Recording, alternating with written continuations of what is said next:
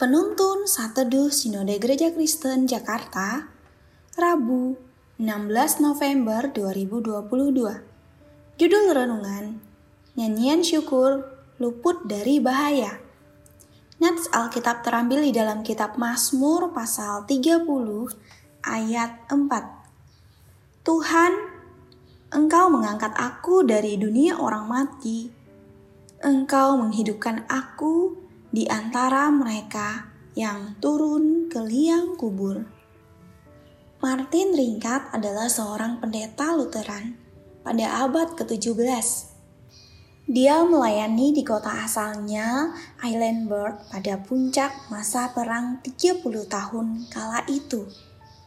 Sebagai kota yang dilindungi tembok, Islandburg dibanjiri para pengungsi dan prajurit yang terluka Kondisi itu membawa kekhawatiran dan ketakutan karena virus-virus penyakit yang berbahaya. Sebab penyakit sampar kala itu menjadi ancaman yang tak terrelakan. Rumah Martin Ringket menjadi tempat persinggahan dan penampungan untuk orang-orang yang terjangkit penyakit sampar. Persediaan makanan tidak cukup, para perawat dan tim medis kelelahan karena banyaknya para korban. Meski demikian, Martin tetap setia melayani dan merawat orang-orang yang menderita dengan tak mengenal lelah. Ketika banyak hamba Tuhan dan pendeta menyelamatkan diri, Martin tetap tinggal dia melakukan pelayanan pemakaman kepada lebih dari 4.500 orang yang meninggal.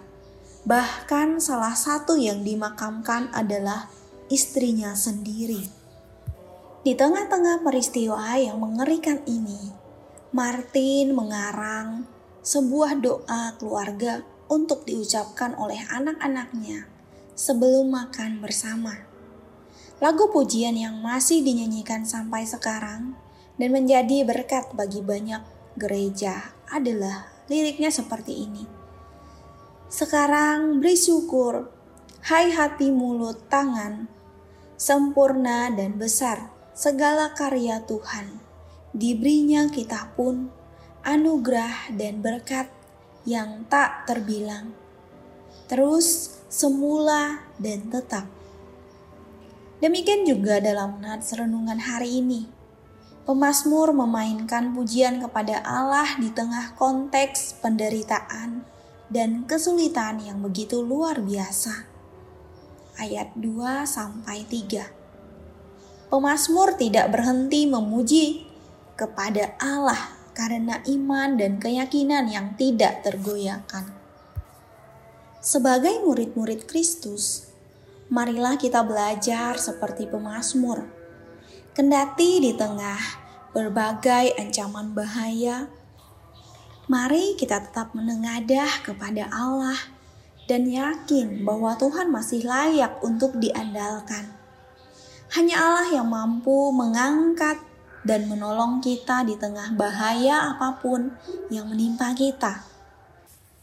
Pemulihannya yang luar biasa akan menghasilkan nyanyian baru yang syarat dengan sukacita di dalam Kristus.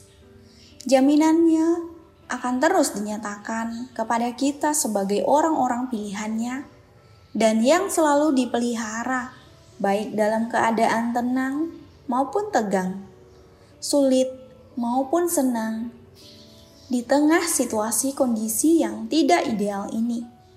Tidak ada keadaan yang begitu mengerikan sampai bibir orang-orang yang mengenal Allah tidak dapat menghasilkan nyanyian sukacita dan syukur. Amin. Terima kasih, Tuhan Yesus memberkati.